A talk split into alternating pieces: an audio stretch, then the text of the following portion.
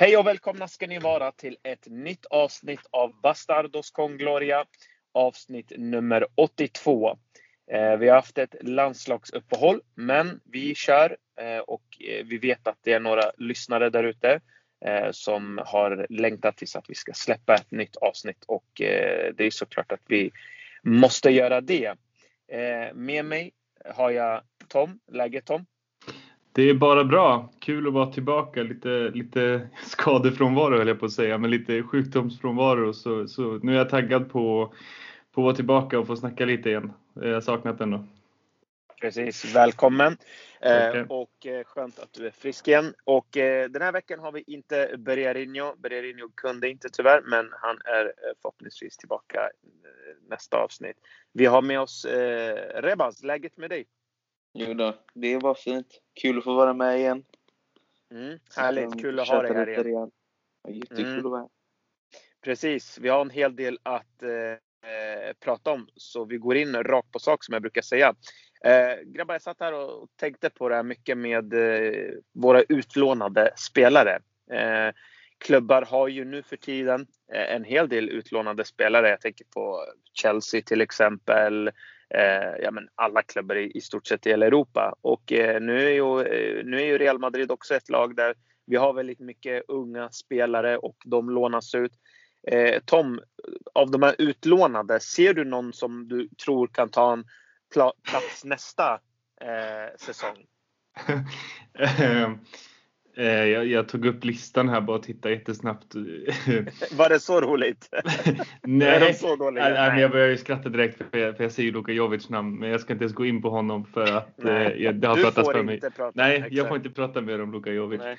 Uh, jag tror Martin, Martin Ödegaard skulle kunna göra något, men det, men det är fortfarande problemet att han bara skulle vara någon sorts truppspelare, vilket han inte vill vara, beroende på vad som händer. Då. Men, men Modric blir väl kvar och sådär. Uh, sen de övriga Nej, om jag, ska, om jag ska vara riktigt ärlig. Jag har inte sett så mycket av Brain Diaz i Milan. Han har väl gjort, gjort det helt okej, okay, men eh, nej, det ser ju ingen som kan komma tillbaka och ta någon sorts starttröja bara sådär. Det, förutom Luka Jovic då, det är ju en självklarhet. Men, eh, mm, det säger också väl eh, lite mycket, säger inte det också en hel del om utlånade spelare som gör att det kanske inte är på den där nivån som behövs jo, för Real Madrid. Många är, är väldigt unga också. Det är, mycket, det är mycket 19-åringar, det är mycket 21, 22, 20, 21, 22 där. Mm. Sen, Om du drar listan för lys lyssnarna. Vi kör den. Då är det mm. Martin Ödegård, Dani Ceballos som man nästan har glömt bort att vi fortfarande äger.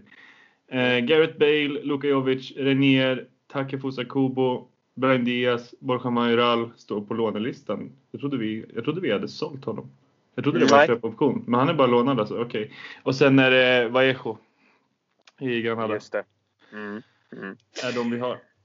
Rebaz, eh, finns det någon här som du ändå kan se någon framtid eh, hos i Real Madrid?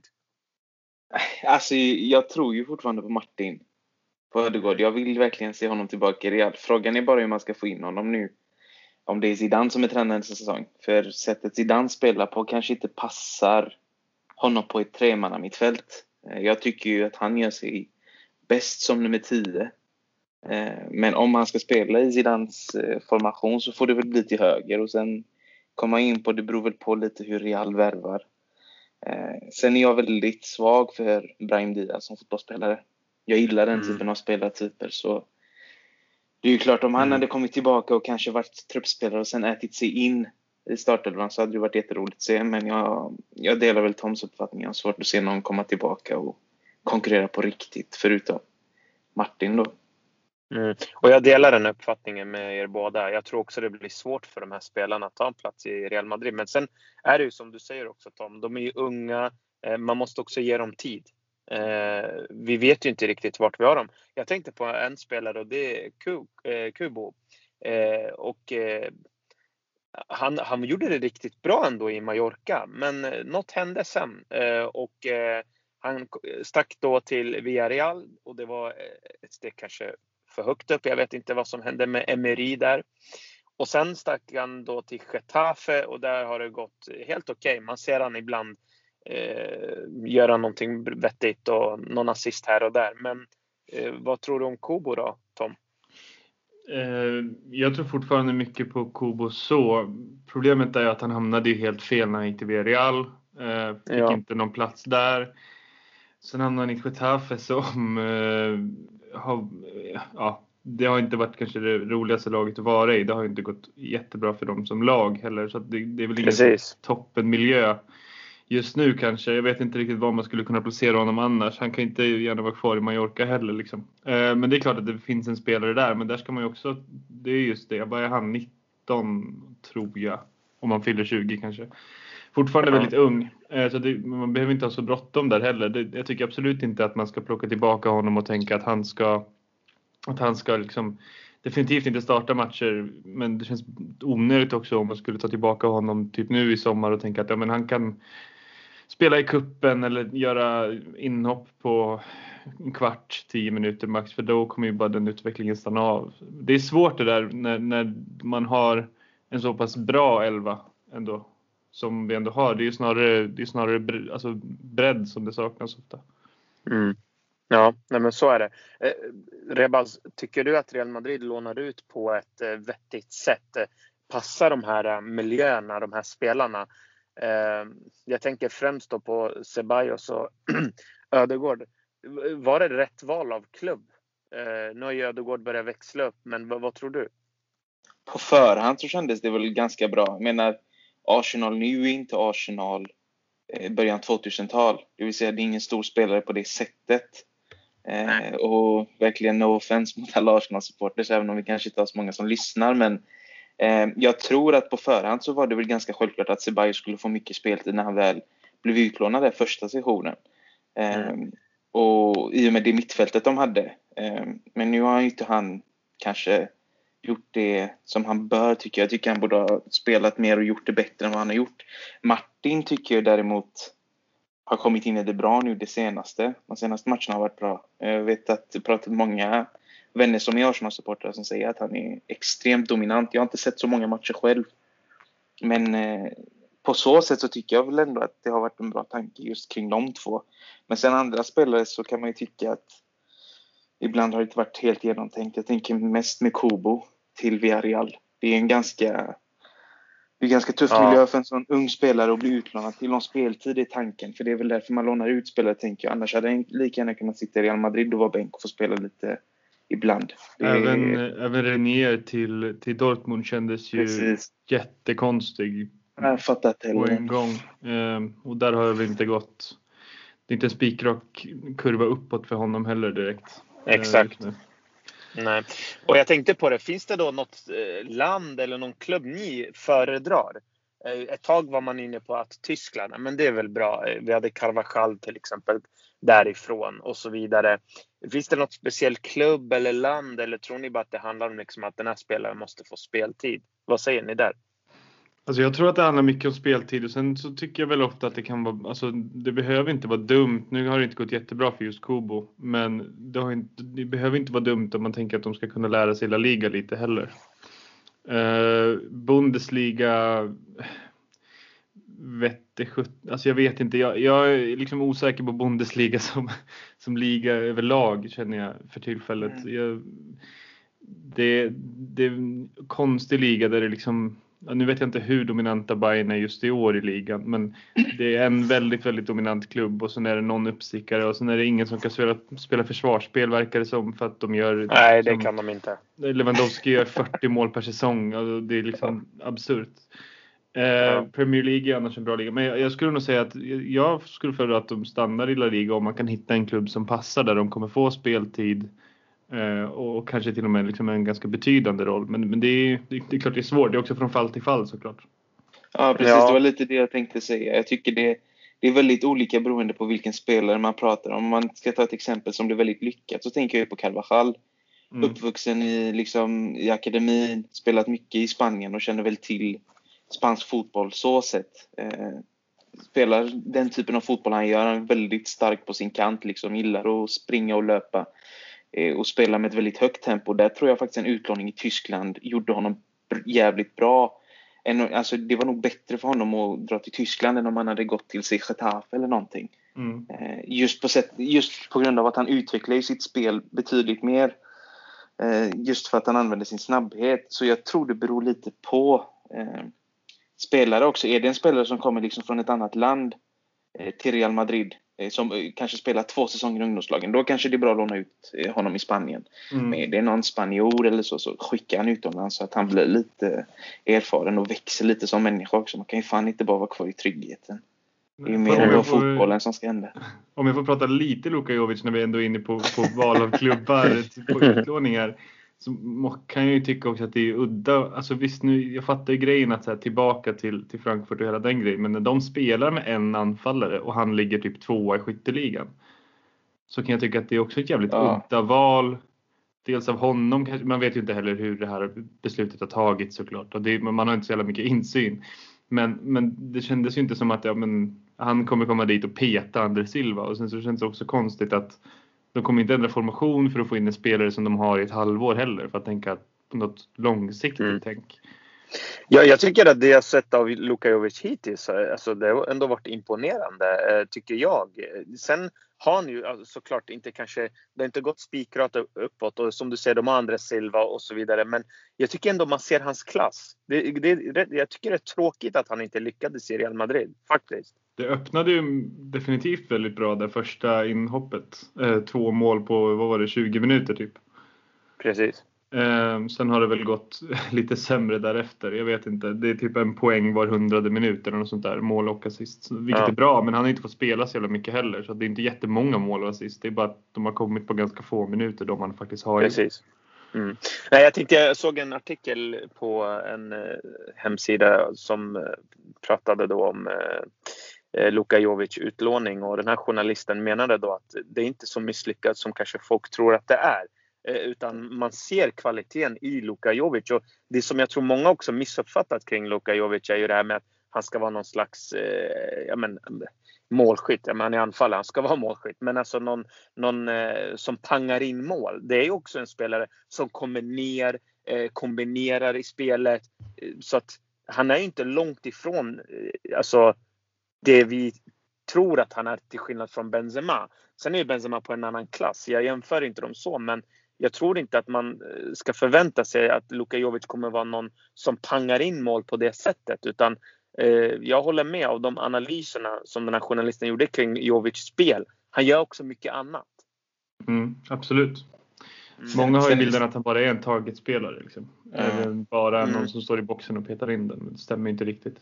Nej, han är ju sen, grym i fjällvändarspelet. Det tycker jag med. Ja, exakt. Han är, sen, sen är precis det jag tänkte. Han är jävlig att möta tror jag som försvarare. Mm. Han, är så, ja. han är så jäkla bastant och han är ju stabil. Det är ingen, alltså han är inte dålig i det spelet eller som target när han håller emot. Nej. Eh, sen är han ju inte, han är inte långsam. Han är ju snabb också. Så det är liksom, han har ju det mesta för att bli en världsforward. Men jag vet att jag sa det vid tidigare eh, avsnitt att jag tror Jovic kommer göra han kommer liksom blomma ut och bli en världsklassanfallare men jag är inte så säker och övertygad på att det blir just i Real Madrid. Nej, det är mycket möjligt. Ja, jag, jag har också lite den känslan att jag vet inte om Real Madrid är rätt klubb för honom men jag tror också Nej. på att han kommer bli en stor anfallare. Eh, det, det, ja, det är jag också övertygad om. Mm.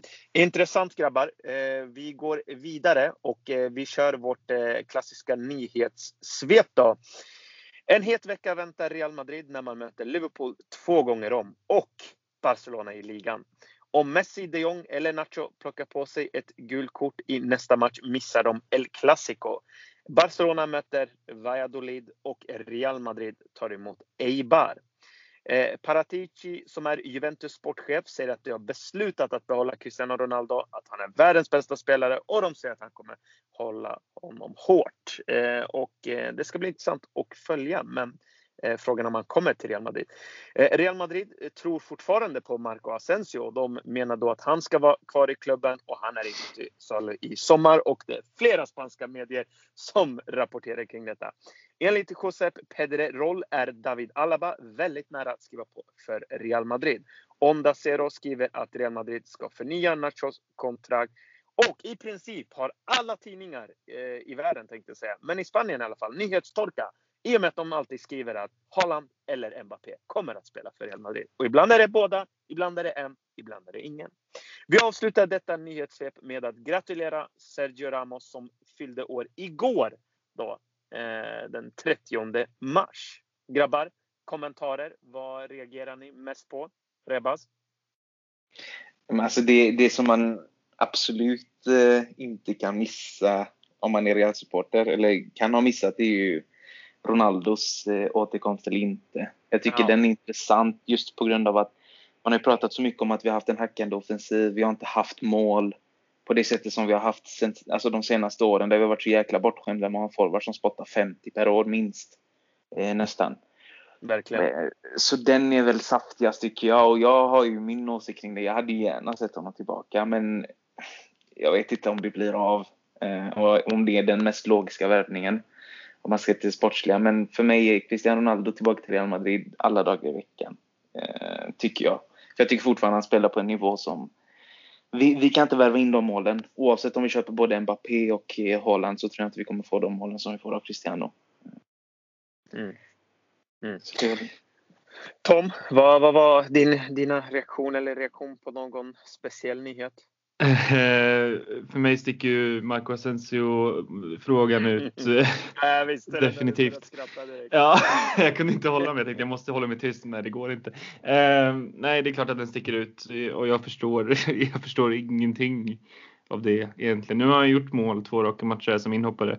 Eh, men, men det säger inte så mycket ändå om man kollar på alla andra starter han har gjort den här säsongen. Nej, eh, Marco Asensio sticker ut. Eh, det är klart att Ronaldo-grejen sticker ut och, och, väcker lite känslor och sådär men jag tror ändå ur ett liksom ja, men, om man ska vara rent krast så lite tråkig och, och, och, och liksom sådär så vet jag inte om det är det smartaste att plocka tillbaka honom även om det hade varit fantastiskt roligt såklart också. Mm. Eh, I övrigt så tror jag inte att varken Haaland eller Mbappé kommer komma i sommar till Real Madrid. Jag tror Haaland kommer gå till mm. Premier League och jag tror Mbappé kommer stanna kvar. Mm. Tyvärr. Ja, tyvärr. Ja, men vi ska inte avsluta där med de uh, tråkiga uh, negativa orden Tom. Nu lugnar vi ner oss. Nej, Nej men jag, jag håller med. Att det, det, det, var det jag menar, liksom, att de har ju nyhetstorka de här tidningarna. Så mm. att ena veckan är det att Haaland kommer, nej han kommer inte. Ja, men Mbappé, nej han kommer inte. Eller de båda. Och, och så skrev någon tidning att alla tre, Haaland, Mbappé och mm. alla bara kommer nu i sommar. Man bara, mm. nej det kommer ju inte hända. Det kan ni ju eh, drömma om. Ja. Men, eh, ja, men rent historiskt, hade, hade det varit någonting som verkligen chockar, vi får heller inte glömma att vi har med Perez och jag, visst, ekonomin ser ut som den gör, vi har en arena vi bygger och så vidare, men man får heller inte glömma, han hämtade Benzema, Kaká och Seri i samma fönster. Och Xavi Alonso. Mm. Så alltså, om han är villig att ta på lån på klubben bara för att liksom rädda ja. sitt presidentskap. För han har ju faktiskt fått en utmanare, det får vi inte heller glömma. Det är ju ändå folk som har börjat snacka om och liksom stå upp mot Perez. Och när mm. Perez känner sig pressad, då gör han stora värvningar för att tysta kritiker. Så frågan ni, är hur ja, långt, exakt. Ja, men, frågan är hur långt det drar. Ja, men bra att du tar upp det. Förlåt eh, Rebaz, jag avbryter här. Men Nej, jag blir lugnt. så här, mm, jag, blir, eh, jag tänker också på det där. Nej, men för det är en jätteviktig sak. Vad, vad, tror ni? Tror ni att den här nya konkurrenten då, eh, tror ni att han kan bli ett hot för Perez? Tror ni att Perez kommer känna någon, någon stress? Rebaz, du tror det. Men, men Tom, vad säger du då? Alltså, man hoppas ju lite det så att det kanske, men så att det kanske kan bli en sån reaktion att det faktiskt händer någonting. Um, så det, det, är svårt. Alltså, det är klart att det kan hota. Jag tror inte att jag tror inte att liksom, Perez är klar direkt. Eh, men, men det hade inte varit negativt om han blir lite pressad alls, eh, skulle jag säga. Eh, det gäller ju liksom alla positioner i en fotbollsklubb. Även spelare mår bra av lite konkurrens. Så att det, det hade nog bara varit positivt om det blev lite press där, tror jag. Mm. Eh, den här snubben då, 32 år gammal Rebas, Enrique mm. Riquelme med på Forbes eh, stenrik, vad vi har förstått då. Eh, vad, vad, vad ser du för, för, för chanser för honom då? Tror du att han har en chans? Nej, jag tror inte han har en chans. Inte nu i alla fall, men det är väl absolut ett namn för framtiden kan jag tänka mig. Det är väl mest därför han gör det också. Jag tror inte han mm. själv tror riktigt på att han kommer ta av Perez nu. Det är nog tufft. Men det jag dock tror är att eh, om man ska snacka Perez kontra och eh, Perez situationen med värvningar så tror jag att det blir en sån sommar. Jag tror någon kommer av dem, av Cristiano, Haaland eller Mbappé. För tackar mm. han nej till Ronaldo, för det har ryktats mycket nu och jag tror det ligger något i det. För det brukar, det brukar inte riktas så mycket kring Cristiano Ronaldo om det inte stämmer. Eh, i, speciellt när det kommer, så nära, kommer från så nära folk som sitter så nära honom. Tackar han nej till Ronaldo så måste han värva Haaland eller Mbappé. Tar han ingen av dem så måste han hämta hem Ronaldo. Annars tror jag inte han överlever länge till om det ser ut som det har gjort i år, i år igen. Liksom. För vinner han inte en Champions League snart igen, då får han det ja. tufft. Och Problemet är att alltså, man kan inte, vi kan inte plocka Ronaldo på bekostnad av att alltså missa Mbappé eller Haaland. Det, det, det är där någonstans skon klämmer för mig. Tar vi Ronaldo då, om vi då inte kan ta någon av de två, de hamnar på långtidskontrakt i andra klubbar. Mm. Då ser jag ja. det som en förlust snarare än någonting annat. Jag, jag tror ju Mbappé verkligen vill till Real. Så frågan är, om han inte mm. kommer i sommar, spelar han ut sitt kontrakt då? Det spelar ja, det, ingen roll vad PSG ser för, för PSG har erbjudit sjuka summor för honom. Han har ju fortfarande mm. tackat nej. Så frågan är om de faktiskt eh, har någonting där muntligt avtalat med han och hans agenter. Precis. Om att spela ut kontraktet, ja. kom gratis nästa år och skriv på en fet lön när du väl kommer hit. Haaland tycker jag är den sista man ska göra på grund av den anledningen att vi har Benzema och han håller fortfarande. Jag tycker mm. inte han är en prioriterad värvning. Jag hade gått för Mbappé Alin om jag var Perez. Ja, och, och, och, och, jag är ganska glad att, över den här Enrique, vet du, Enrique Riquelme, om, om han, han kommer ju ställa upp då äh, i det här valet. Då. Jag tror det bara gynnar Real Madrid. Jag känner att, liksom att efter de här tre Champions League-titlarna, eh, ledningen har misstajmat eh, några värvningar eh, och eh, känt sig nöjda. Eh, och det är farligt att känna sig nöjd. Man måste alltid ha den här hungern att hela tiden, hela tiden bara fortsätta och fortsätta. Och Rebaz, det är som du säger, vi känner Florentino Perez. Eh, om vi känner honom rätt eh, så kan det här skapa ju ett tryck på honom att i sommar leverera. Eh, mm. Och man får ju bara hoppas att någon av Mbappé och Haaland hamnar i Real Madrid. Och det tror jag. Jag tror en av dem kommer i alla fall hamna i Real Madrid. Eh, om de inte gör det, eh, ja, jag undrar vart står Real Madrid då någonstans?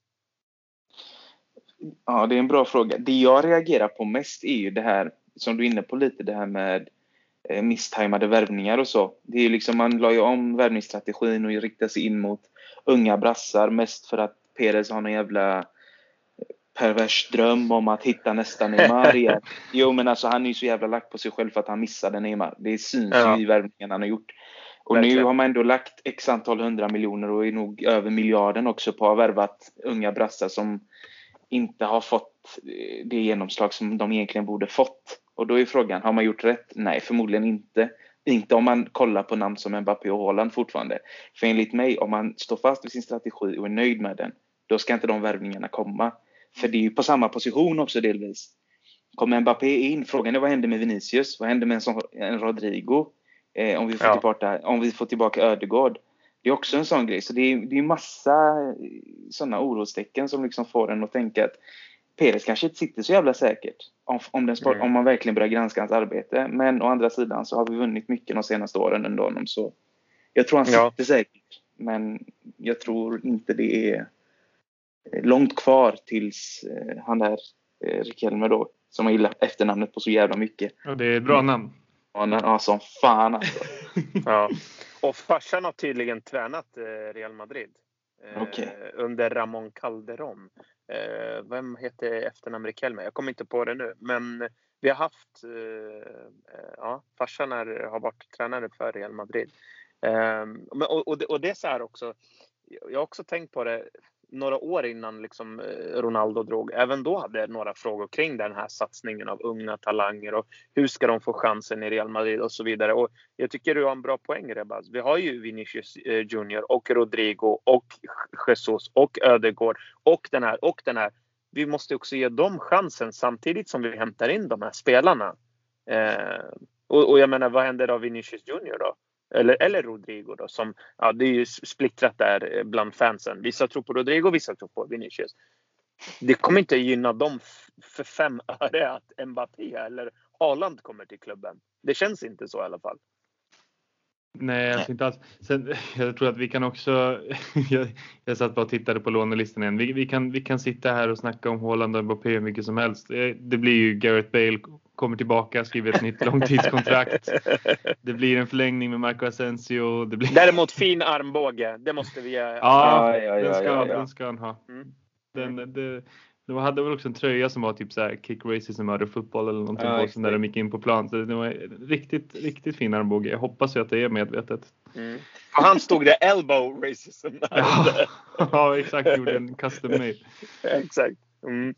Ja, men nej, men och det är också risken med att ha en ledning som, som är lite bekväma eh, och eh, som känner att nej, men vi har ju levererat så här många titlar och vi vet vad vi har gjort det här tidigare och man litar ju så mycket på Perez och med all rätt också. Jag menar, snubben har ju levererat. Eh, Perez 2.0 har ju levererat, så är det ju bara.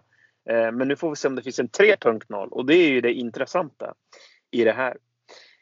Eh, och jag vill bara avsluta med sista då, som jag reagerade på lite. Det här är kring Sergio Ramos då. Eh, gamla gubben här. Eh, Champions League-studion. Eh, de valde ju såklart Ramos i den här genom tidernas bästa elva. Bredvid Puyol bland annat. Eh, jag vill fråga er, hur högt rankar ni Sergio Ramos bland de bästa mittbackarna genom tiderna? Alltså håller, håller ni han som den högsta eller är han topp tre? Rebaz, vad säger du? Vi börjar med dig. Alltså jag är inte så gammal, jag är född 95 så jag har inte sett de här Maldini och nästa på det sättet där jag liksom fatta riktigt innebörden av att spela mittback. Det var väl mer att det var häftiga, ikoniska spelare som farsan liksom tyckte om och man liksom ja, men man gav dem någon slags status. Eh, men sen liksom vad man har kollat i efterhand och så vidare så har man ju sett att det är mittbackar på extrem hög nivå och så kollar man ju vad de har vunnit och så vidare. Eh, så det är klart att de är där uppe. Men för mig, det jag har sett liksom, det, det finns ingen som kommer nära Ramos. Jag tycker inte det. Jag tycker om man ser till hans karriär, vad han har vunnit, hur han är som spelare, eh, hur komplett han är som mittback. Eh, visst, han, har, han gör idiotgrejer, han stöter ibland, tar onödiga varningar, håller inte huvudet kallt och så vidare. Men alltså hans toppar är det ingen, jag tycker inte de kommer nära. Det är mm. för mig odiskutabel detta. Mm. Tom, vad säger du? Ja, alltså jag är lite jag är född 97 ju, så jag är ännu yngre. Uh, så det gäller samma där, Baresi och, och, Maldini och alla de här som man liksom har förstått uh, liksom var sinnessjukt bra. Uh, men som man inte liksom upplevde i deras prime själv. Ja, jag, ja, men det är klart att han är där uppe. Definitivt topp tre. Kollar man också på vad han har vunnit i VM och det är EM och det är ja, men hur många Champions League och hela den här biten. Det är klart att han är, det är, klart att han är absolut där uppe. Topp tre lätt skulle jag säga och sen frågan är om han är först eller inte snarare. Det är väl det som är diskussionen tycker jag. Det, det är klart att man kan diskutera det och det, då respekterar jag också folk som växte upp med en annan generation med alla de här italienska mittbackarna. Liksom, då, får, då får jag ändå kanske liksom vara lite försiktig med att sticka ut hakan för långt för att, just för att jag inte var där. Mm. Liksom. Mm. Men om man tänker det jag har sett när jag började titta fotboll och framåt så finns det definitivt ingen bättre. Nej, precis. Eh, jag som är då född 89 här då, kan ju ändå flika in lite kring de här grabbarna Maldini och Nesta och, och så. Ehm, så här va, det finns ju ingen komplett eh, mittback som Sergio Ramos. Så är det ju bara. Mm. Kvaliteten, då är han nummer ett. Det är inga diskussioner där. Men sen kommer det här ju då idiotgrejerna. Eh, rekord i antalet röda, stöter ibland fel, gör dumma saker. Eh, kunde haft fler ligatitlar faktiskt, om man mm. ser det ur det perspektivet också. Eh, kunde varit lite mer liksom konsekvent, alltså göra det i, ibland ja, på en liksom konstant bana och så har han gjort det. Det är inte det, men det känns ibland som att ja, men, här förstörde han. Ja, men nu förstörde han. Okej, okay, han är på toppen. Ja, nu förstörde han. Eh, det hade inte Maldini och nästa på samma sätt. Eh, speciellt Maldini tänker jag på. Sen rankar jag mm. Puyol också otroligt högt, men de är inte nära Sergio Ramos vad gäller kvalitet. Det, och det är bara så enkelt det är. Sen får ju Ramos också mycket hat för den han är. Mm. Eh, och det är det. Hade han inte gjort de här sakerna, då tror jag att en neutral hade ju liksom utan bara tvekan bara, men det är ju Sergio Ramos. Det är inte svårare än så liksom. Det är väldigt få som är neutrala kring Ramos, det är det som är sjukt. Ja. Precis. Alla har typ en åsikt. Jag ja, måste bara flika in också. Ja. ja, ja, Men, men den här Champions League-studion, måste bara, för då, det är klart att man ska jämföra och sådär, men de, när de började snacka om att Piqué kunde få haft eh, den platsen också. Nej. Det där, det finns liksom inte ens ett argument för att Piqué skulle kunna gå före Ramos i en sån elva. I en Champions League-elva så går ju för fan Varan och Peppe före om du frågar ja, mig. för det är just i Champions League också. Ja. ja. Nej, men och sen, och sen bara genom helheten. Alltså, eh, bara för att jag är Real Madrid-supporter så betyder det att jag inte kan vara objektiv. Jag tycker att Piqué hade sin höjd liksom. Eh, stabil mittback, positionssäker, läser spelet och hade den där liksom högsta nivån. Men sen har ju han rasat som ett korthus. Mm. Där Ramos istället har bara blivit bättre och bättre och bättre och bättre. Och faktiskt mindre och mindre av de här idiotsakerna som han gör. Eh, men vi ska inte ens jämföra. Det är ju bara Sergio Ramos för hela slanten. Så är det ju bara. Eh, man kan ju få säga vad man vill men eh, karriärerna säger sitt och eh, även hur de liksom nu, hur det ser ut nu. Piqué är ju en risk varje gång. Ja. Och spelar liksom i ett system och då ser det liksom bättre. Men när han, när han blir lite sådär ut, eller när han blir utmanad och när det är hål i Barcas eh, lag som det är nu, då, då syns hans brister rejält kan jag säga. Verkligen. Det är en mm. sak som jag tänker på också när det kommer till just Ramos-frågan. Om han är bäst eller inte. Alltså det är ju bara att kolla eller läsa det som andra försvarsspelare och anfallare och så vidare säger. Anfallare När de får frågan. Ja, men Dani Alves var ute och sa någonting nu för inte så länge sedan heller. Så liksom, mm. Dani Alves har spelat med Piqué. Det är liksom, mm. Han har spelat med Piol. Han har spelat med Thiago Silva. Han har ändå, något, han har ändå sett lite. Eh, och ja. varit med om en del. Och även de här anfallen och alla rankar ju Ramos högt i, högst i princip. Så det, det är väl också en fingervisning, eh, tänker jag. Mm, verkligen. Och det är synd också att Ramos inte har fått det erkännandet defensivt. För att offensivt säger alla att han är mm. bäst, han är bäst. Men han är ju briljant också defensivt. Det är ju som sagt, det är så synd att de här idiotsakerna har sänkt honom lite. Så är det. Ja. Men man måste också säga att många av de här idiotsakerna har ju delvis kommit för att han har haft Marcello på sin kant. Ja, ja precis. Jag tänkte säga det. Och att risken i spelet och hur Real Madrid också har spelat. Alltså vi får inte mm. glömma bort att ibland hade man ingen defensiv mittfältare. Casemiro har inte funnits där i evigheter om man säger så. eh, vi får inte glömma bort att Ramos kom väldigt tidigt till Real Madrid. Eh, och då hade vi helt andra defensiva mittfältare eh, som ja, som kanske inte alla känner till.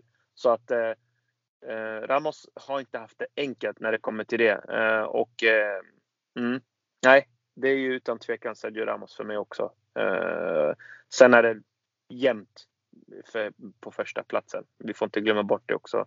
Till exempel Maldini har gjort. Det tycker jag också eh, är sjukt stort. Men grabbar, vi går vidare och vi ska gå vidare till att prata om det som har hänt Eh, Real Madrid slog Atalanta. Rebaz hade fel. Vi eh, hånade Rebaz. Vi skrattade åt Rebaz och vi fick rätt till slut. Nej men alltså skämt åsido. Real Madrid har två bra matcher, speciellt mot eh, Atalanta. Man slog också Celta Vigo. Det var lite tuffare, lite skakigt, men man löste det till slut. Mål av Karim Benzema två gånger och Marco Asensio. Men Atalanta-matchen då? Eh, Tom, vad blev till slut då avgörandet då? Vad, vad, vad föll det på tycker du? Jag tycker att det föll på det vi var inne på inför och det var ja, rutinen bara.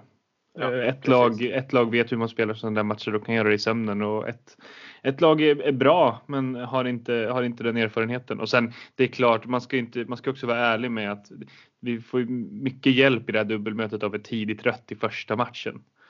Eh, och sen dessutom så får vi ju ett mål till skänks eh, slutet av första halvlek i andra matchen. Så det, är, det är lite individuella misstag men det har ju också med rutin att göra. Liksom. Eh, så är det. det. det. målet vi gör där i början när, när målvakten spelar ut bollen på Modric. Som för övrigt får för lite praise tycker jag för hur bra han kontrollerar den bollen ändå. Den är högt upp och han plockar ner den. Eh, men det, det som hände där, det där kände man ju att ja, men okej, när vi gör 1-0 så då ska det nog gå vägen ändå. Liksom. Mm. Ja, och jag, jag, jag, håller verkligen med. Det, det, var ju det vi pratade om inför och allt liksom blev ju verklighet. Och mm. Det var ju de här gamla rävarna. Det var ju de som visade vägen och det är de som ska visa vägen. Som du säger, Modric brutal. Kroos mm. brutal. Ramos hur bra som helst. Och Benzema hur bra som helst. Och, eh, nej, det, var, det var verkligen liksom det här Real Madrid. Man fick känslan av att hmm, kan det bli något nu? Kan det bli något nu här mot slutet? Är det nu liksom sedan växlar eh, upp. Men det öppnade uh, riktigt skakigt blev jag precis påmind också. ja. Jag hade glömt det. Det, det var första fem, typ tio minuterna så kände man att hur ska det här gå? De är jättenära att göra 1-0 där jättetidigt. Jag minns inte vem det är som bollen dimper ner på i straffområdet men han slår den rakt på Courtois. Um, ja. Precis. Och, och, är det någon spelare som jag ska kritisera lite, om, om det är lite negativa saker, två saker som jag tänkt på. Den ena var, jag kommer återkomma till honom flera gånger säkert i, i podden och jag vet att alla kanske inte håller med, men det är Rafael Varan. Eh, under press, den snubben måste verkligen eh, träna på att eh, lösa situationerna bättre. För nu kommer ett Liverpool och de är mycket bättre på att ta tillvara på misstag än vad Atalanta kommer göra och kommer inte gå bort sig lika mycket. Eh, och, och, här gäller det liksom att veta att spelar du till närmaste gubbe, då sätter du laget i fara. Det är bara så enkelt det är. Ibland måste man också kunna ö, liksom, ö, överväga. Hmm, ska jag slå långt nu? Eh, ja, det är nog bäst. Eller ska jag slå kort bara för att man inte ska veta som motståndare, hmm, vad kommer han göra nu? Men det känns som att i varans situation, det händer liksom samma saker lite väl för ofta. Han tar emot, det tar väldigt lång tid och så slår han i passen i ett farligt läge. Eh, och, och, det är någonting som jag reagerar på. Sen nästa sak är också, hur bra var egentligen Atalanta då? Eh, jag tycker inte de kom upp i standard. Sen om det är Real Madrid som gjorde det, det, det, det kan också absolut vara. Men ja, jag tror det kommer tuffare nu motstånd och Liverpool kommer bli tufft. Men vi ska komma till det. Rebban, vad, vad, vad tyckte du om Atalanta-matchen? Jag tycker att eh, det som sticker ut är sättet hur vi löser deras press. Eh, även Muriel eh, snackade om det efter matchen och sa det att sättet ja. Real Madrid löste pressen på, han bara, det gick inte att göra något. Han bara, vi pressade som vanligt, men de spelade sig ur varje situation och det var ju hur tydligt som helst att vi löste det. Eh, så alltså det finns ju, jag var jättenöjd med den matchen. Jag tyckte det var en, jäkligt bra genomförd match. Det var ju lite som, som den gången när vi spelade mot Atletico Madrid eh, första mötet i ligan. Där tycker jag också vi spelade riktigt bra mot dem och det, det här gav mig lite vibes av det. Eh, måste jag säga. En riktigt bra match. Eh, och jag tycker flera insatser var bra. Jag tycker nästan alla i Real Madrid gjorde en ganska bra match. Och en av anledningarna som jag tror till att vi kunde spela eh, spela oss ur alla situationer är att vi kan använda alla mittfältare som spelar på plan. För hade vi haft Casemiro på plan så vet vi att han är lite begränsad när det kommer till att lösa när han är trängd. Eh, Medan Kroos, Modric och Valverde löser det utan problem. Eh, så det är också en fördel. Men som sagt, jättenöjd med matchen. Jag tycker alla gör en bra insats. Förutom, jag var inte så nöjd med Ferland Mendy. Jag tycker inte han gjorde en så bra match. Jag tycker han slarvar bort mycket boll. Och han var fel på touchen ja. eh, väldigt ofta. Men annars, klockrent. Mm. Precis, och, och, jag menar en del i att det här då, att man ska kunna lösa sådana här pressspel, det är ju då att vissa spelare måste också eh, visa lite säkerhet, självförtroende. Mm.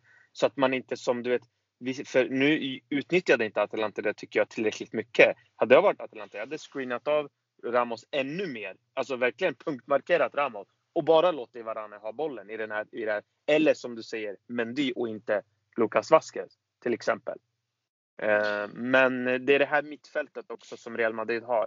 De är så viktiga. Det är de som, tycker jag, löser pressspelet till större del. Sen gör man det såklart bra kollektiv. Men jag tycker det är Tony Kroos. Jag tycker det är eh, Luka Modric. Det är de här två nycklarna i, i att, eh, i att lösa upp sådana här lag som pressar hårt. En som faktiskt hade, för en gångs skull höll jag på att säga, jag ska inte vara sån, men Vinicius hade faktiskt en riktigt fin match också. Mm. Uh, han, han, har ju en jättemiss, det är jag medveten om, men han gör det jättebra hela vägen fram. Uh, och sen går det bara någon minut så har han tagit sig förbi igen och så fixar han straffen. Uh, så jag tycker man kan lyfta honom lite också för att ja, men det, det, dels är det kul att lyfta någon som inte är Kroos, Modric, Benzema, Ramos. Ja. Eh, det är kul när någon av de här yngre, ja men det är så, det är kul när någon av de här yngre kan liksom visa Verkligen. att men jag Nej, men är här så. på riktigt. Um, annars, det, mm. det är intressant det här med Varann för att jag tycker att när Ramos var borta och han spelade i, alltså, i feedback med Nacho så såg man inte de där tendenserna alls. Nej, exakt. Nej, jag och sen med. kommer det, och det, då blir det nästan motsatt det här som vi har pratat om tidigare. För tidigare har man alltid varit att när Ramos är borta då blir Varann eh, skit liksom. Och nu blev det som att Ramos kom tillbaka och då vet jag inte om varann föll tillbaka i någon sorts liksom Bekväm. falsk trygghet, ja bekvämlighet. Mm. Att han liksom kände att ja, men nu så, nu behöver inte jag ta på mig lika mycket ansvar för nu har Ramos innanför mig så att nu, nu jag vet inte, det, det, var, det var konstigt och jag blev förvånad över det faktiskt. Mm. Och jag menar på tal om Vinicius förresten då att eh, han har ju tagit en startplats så är det ju. Då, eh, nyckel i det här laget också. I de senaste åtta matcherna som han har startat så har alla resulterat i vinst. Mm. Eh, så det talar ju också sitt eh, tydliga språk. Bra grabbar, vi går vidare till sista ämnet eh, för, den här, eh, för det här avsnittet och det är såklart Liverpool. Lottningen föll på det engelska laget Liverpool. Och eh, ja, reaktioner. Rebaz, vad säger du? Det blev Liverpool. Vad tror du? Tuff, vad tänker du?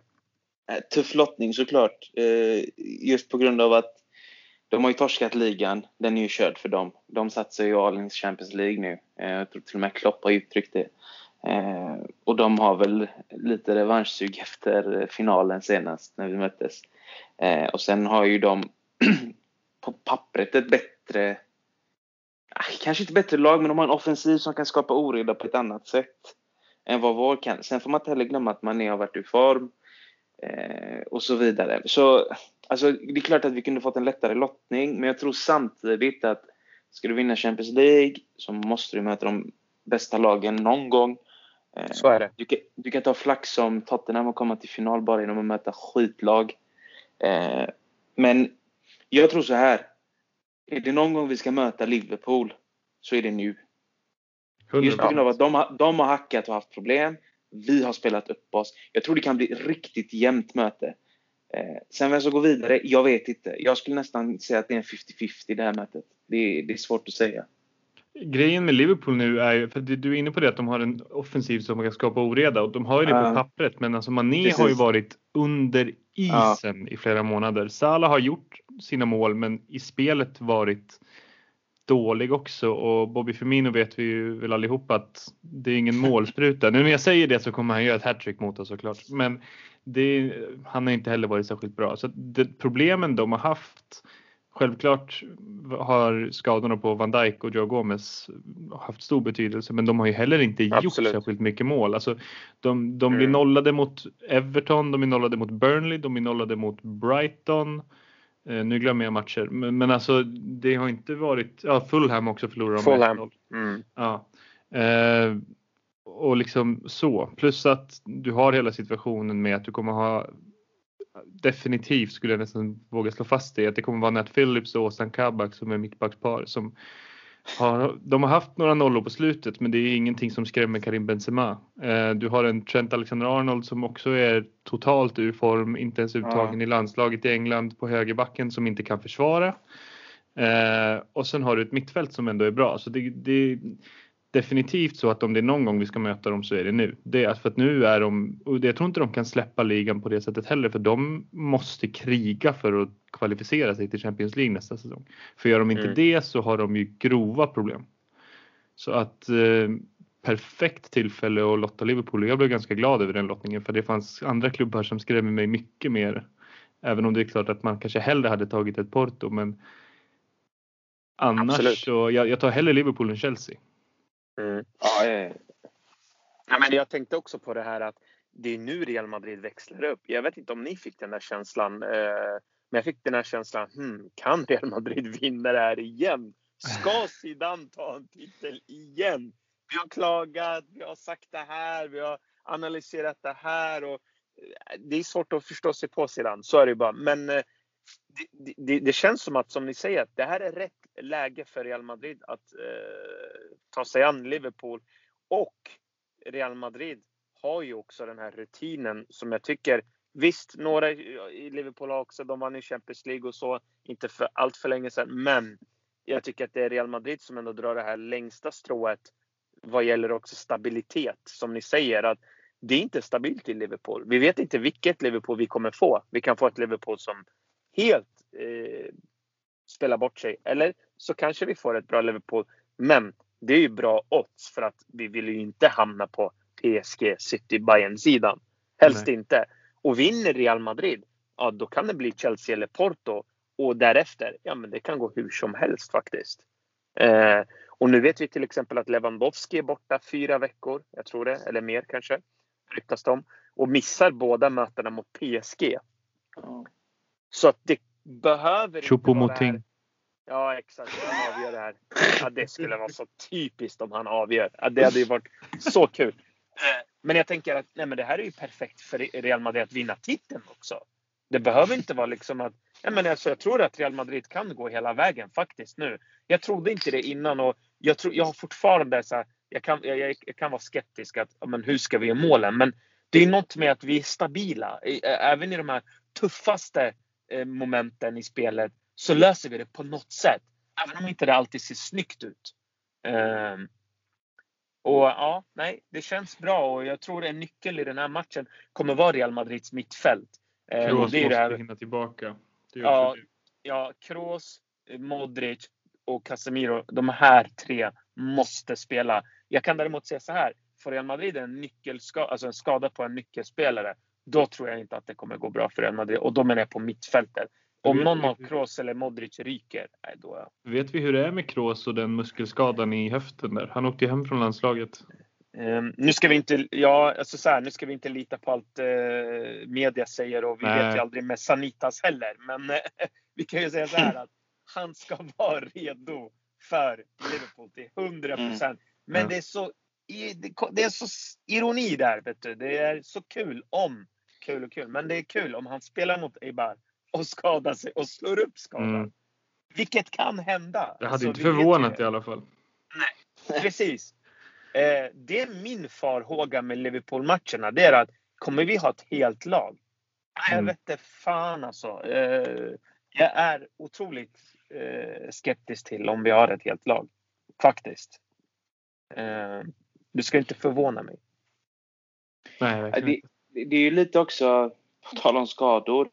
Läste något igår om att Courtois också har problem med eh, ryggen, tror jag det var. Eh, Precis. Det var, därför han inte kom till spel. Eh, så det är ju frågan, har vi honom skadad och vi ska ha en Lunin i mål, då kan det ju bli lite... Då kan vi nog vinka, vinka bort den semin skulle jag tro. Jag tror det blir tufft utan Courtois. Vad sa du? Jag tror det blir extremt tufft utan, utan Ja, ja han är, han är, nyckelspelare också. Mm. Jag, jag, tänker så här bara för att, för att, för att bara fortsätta där. Det är ju så här. Först rapporterar man då att Kroos är skadad, kanske eh, tveksam mot Liverpool, men nu är han 100 Samma sak kommer Courtois. Idag läste jag då att Courtois var skadad, sen läste jag nej men han är tillbaka. Det är inga konstigheter. Men det är ju det här med Real Madrid. De kommer tillbaka, men så slår de upp den här jävla skadan igen. Ja. Eller så kommer det någonting som bara förstör hela grejen. Liksom. Nej men de är inte med. Fede Valverde är borta också eller? Ja, han är, helt, han är helt borta. Ja, han är igång. Ja, det är också ett avbräck, även om kanske inte, han kanske inte hade startat, men det är en perfekt spelare att kunna slänga in i alla fall. Eh, det, ja, och han det, kanske det beror, hade startat. Ja, precis. Jag, tänk, jag tänkte säga, det beror på hur Zidane hade spelat. Jag hade inte blivit chockad om Zidane spelade en 4-4-2 med honom till höger. Precis. Och försökt eh. stoppa den där kanterna. Mm. Ja, precis. Med hans alltså, löpstyrka. Ja, precis. Alltså, det är ingenting som hade förvånat mig. Eh, men nu, nu hade jag ju velat se jag vill se Vinicius starta mot Liverpool, för jag vill se han utmana Trent gång ja, ja, ja. på gång på gång på gång på gång. För jag tror han kommer, han kommer ge, ge honom en ordentlig match. Han kommer få det jävligt tufft mot Vinicius. Eh, och att, jag, jag hoppas ju på att han åker ut i den matchen och får ett rätt. Jag tror att han kan provocera fram en dubbelvarning på honom. Det hade inte förvånat mig, för han, han är dum i huvudet, Trent. Alltså, han är ju helt tappad. Sen finns ja. det ju inte heller någon Jordan Henderson. Det är det som har varit grejen också tror jag. För Trent har alltid varit så skyddad för att Henderson har klivit ner bakom honom. Eh, när inte han finns där. Sen har ju dessutom inte Fabinho funnits. Nu är ju han tillbaka på mittfältet i och för sig. Men när han har varit, spelat mittback och de har haft en tre, tremanna mittfält med typ Thiago, Wijnaldum och Curtis Jones så har det inte funnits något skydd för för Trent bakom. Det, jag tror att Vinicius kan. Vaknar Vinicius på rätt sida? Det är det, det. Alltså, han måste ju ha en bra match för att han kan ju ha matcher där det inte händer mycket också. Alltså. Men vaknar Vini på rätt sida så kan han gå mot Trent och, och då kommer Trent få problem tror jag också. Oh, ja, verkligen. Sen mm. är frågan nu om vi spelar 4-3-3, vem spelar till höger? Är det Rodrigo? jag tror att det blir Asensio. Ja, det blir alltid Ni tror det? Ja, jag tror det. Jag tror faktiskt det. Jag tror inte ja. att Zidane kommer eh, våga att gå för mycket på de där kanterna. Vi får inte glömma bort både Asensio och Vinicius. Eh, och det är någonting som jag har sagt flera gånger om Vinicius. Som är underskattat. Alltså, de jobbar hårt hem. Mm. Det gör de. Ja, Klassikot var Asensio faktiskt ja, han var fantastisk. Ju ytterback alltså. Ja. ja. Sprang så han typ inte kunde stå upp längre. Ja men faktiskt. Och jag tycker också Vinicius har varit verkligen så här. Mm. Nej, men det är inget så här lalleri utan han kommer tillbaka, försöker vinna boll. Eh, det mot Atalanta när han drog den där räden. Alltså det var ju långt ner på plan när han tog den där bollen. Mm, eh, och stack iväg liksom. Eh, så att jag är faktiskt ganska övertygad om att Zidane kommer starta med Asensio. Det tror jag. Ja. ja, jag hoppas inte det. Även om jag förstår att det är, det är klart att det är logiskt. Alltså egentligen så är det ju mest logiska. Men jag är så jävla trött på att se honom på plan. Alltså, det känns ju så... Ja, jag är med dig. Det känns så jävla provocerande att se honom bara gå runt där och knappt försöka offensivt. Alltså, han är bara dålig. Och så sitter man och tänker att fan, han får ju fan betalt för att spela fotboll. Hitta spelare i andra division i Holland som hade gått in och gjort det bättre än honom. Ju, mm. ja. Vi kan ha ett ja. avsnitt om Asensio tycker jag. Ja, eller hur? Avhandla Asensio special. Ja, exakt. Eh, det är väl eh, mm, det där holländ, holländska spanska påbrott. Jag vet inte. Det är inte en bra kombo kanske. eh, och med de orden grabbar. Eh, jag vill inte faktiskt säga eh, eller fråga er vad ni tror om matchen för eh, ja, så inte, ni, så inte det blir en rebas. utan ni måste ju liksom skydda, skydda er själva mot alla slags um, hat liksom. Uh, som kommer in. Att, ja, vad sa du Rebaz? Till mitt försvar så sa jag bara att det inte är en så lätt lottning som vi tror. Ja, Fyra jag, jag, jag sa inte att du skulle åka ut. Jag sa inte att du skulle åka ut, jag sa att den är tuff. Och att vi måste se upp här då. Och det här var innan Papo Gomez gick va?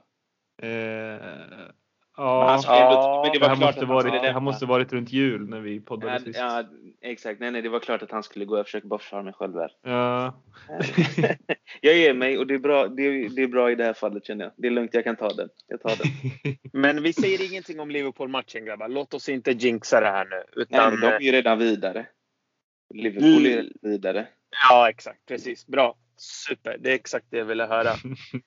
Grymt killar! Eh, vi hörs eh, nästa vecka eller veckan efter det. Får vi hoppas. Vi vill ju såklart komma också ut med ett avsnitt innan eh, El Clasico. Det måste vi göra, eller hur Tom? Jajamensan. Ja, bra.